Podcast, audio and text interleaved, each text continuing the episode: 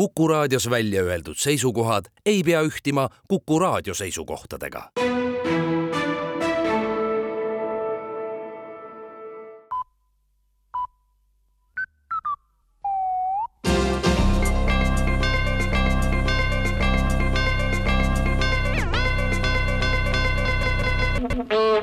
tere kuulama uudiseid stuudios Rohke Debelak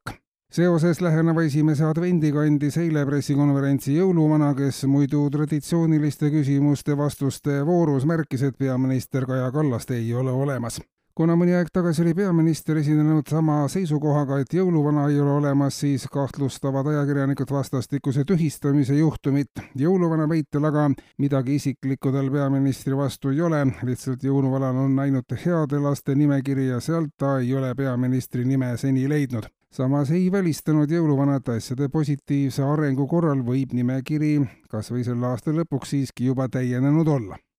konjunktuuriinstituudi ülevaatest aga selgub, et kunagi elektri ja gaasi järsust hinnatõusust alanud toiduainete hinnatõus ei näita vähenemise märke. nüüd, kui elekter ja gaas on juba oluliselt odavamad, on toit endiselt kallis edasi ja kui toiduhinnad ei lange, siis toob peatselt uuesti see kaasa gaasi ja elektri kallinemise, mis jällegi toob omakorda kaasa toiduainete hinnatõusu, sest elekter ja gaas moodustab selle segmendi hinnast olulise osa majandusteadlaste arvates peaksid inimesed Eestis üle minema toidu tarvitamiselt elektri- ja gaasitoitele ja jätma liigseks luksuseks kujunenud toidu tarvitamise lihtsalt ajalukku.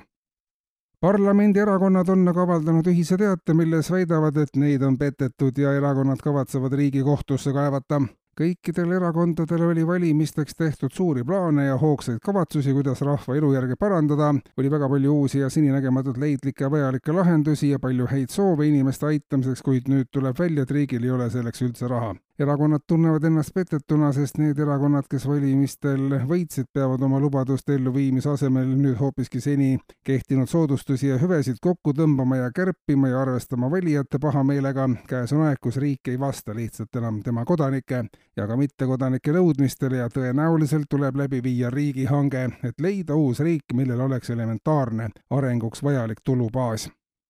ja veel rahast. kommertspankade ühisavalduses märgitakse, et äh, soov täiendavalt maksustada pankade nii-öelda ülikasumeid on majanduslikult kitsal ajal mõistetav, ent olukord on keerulisem. järjest kasvavad kasumid on seadnud pangad suure surve alla ja üha kasvav rahavoog esitab kogu süsteemile väljakutse ka pangasüsteem ei ole sellisele kasumile mõeldud ning täiendavalt on tulnud teha suuri kulutusi, mille eesmärgiks on nüüd välja mõelda, mida teha selle suure rahahulgaga. käes on olukord, kus suured tulud on kaasa tulnud väga-väga suured kulud ja mingit täiendavat riigipoolset uut solidaarsusmaksu pangad hetkel välja ei kannataks, märgitakse pankade ühises teates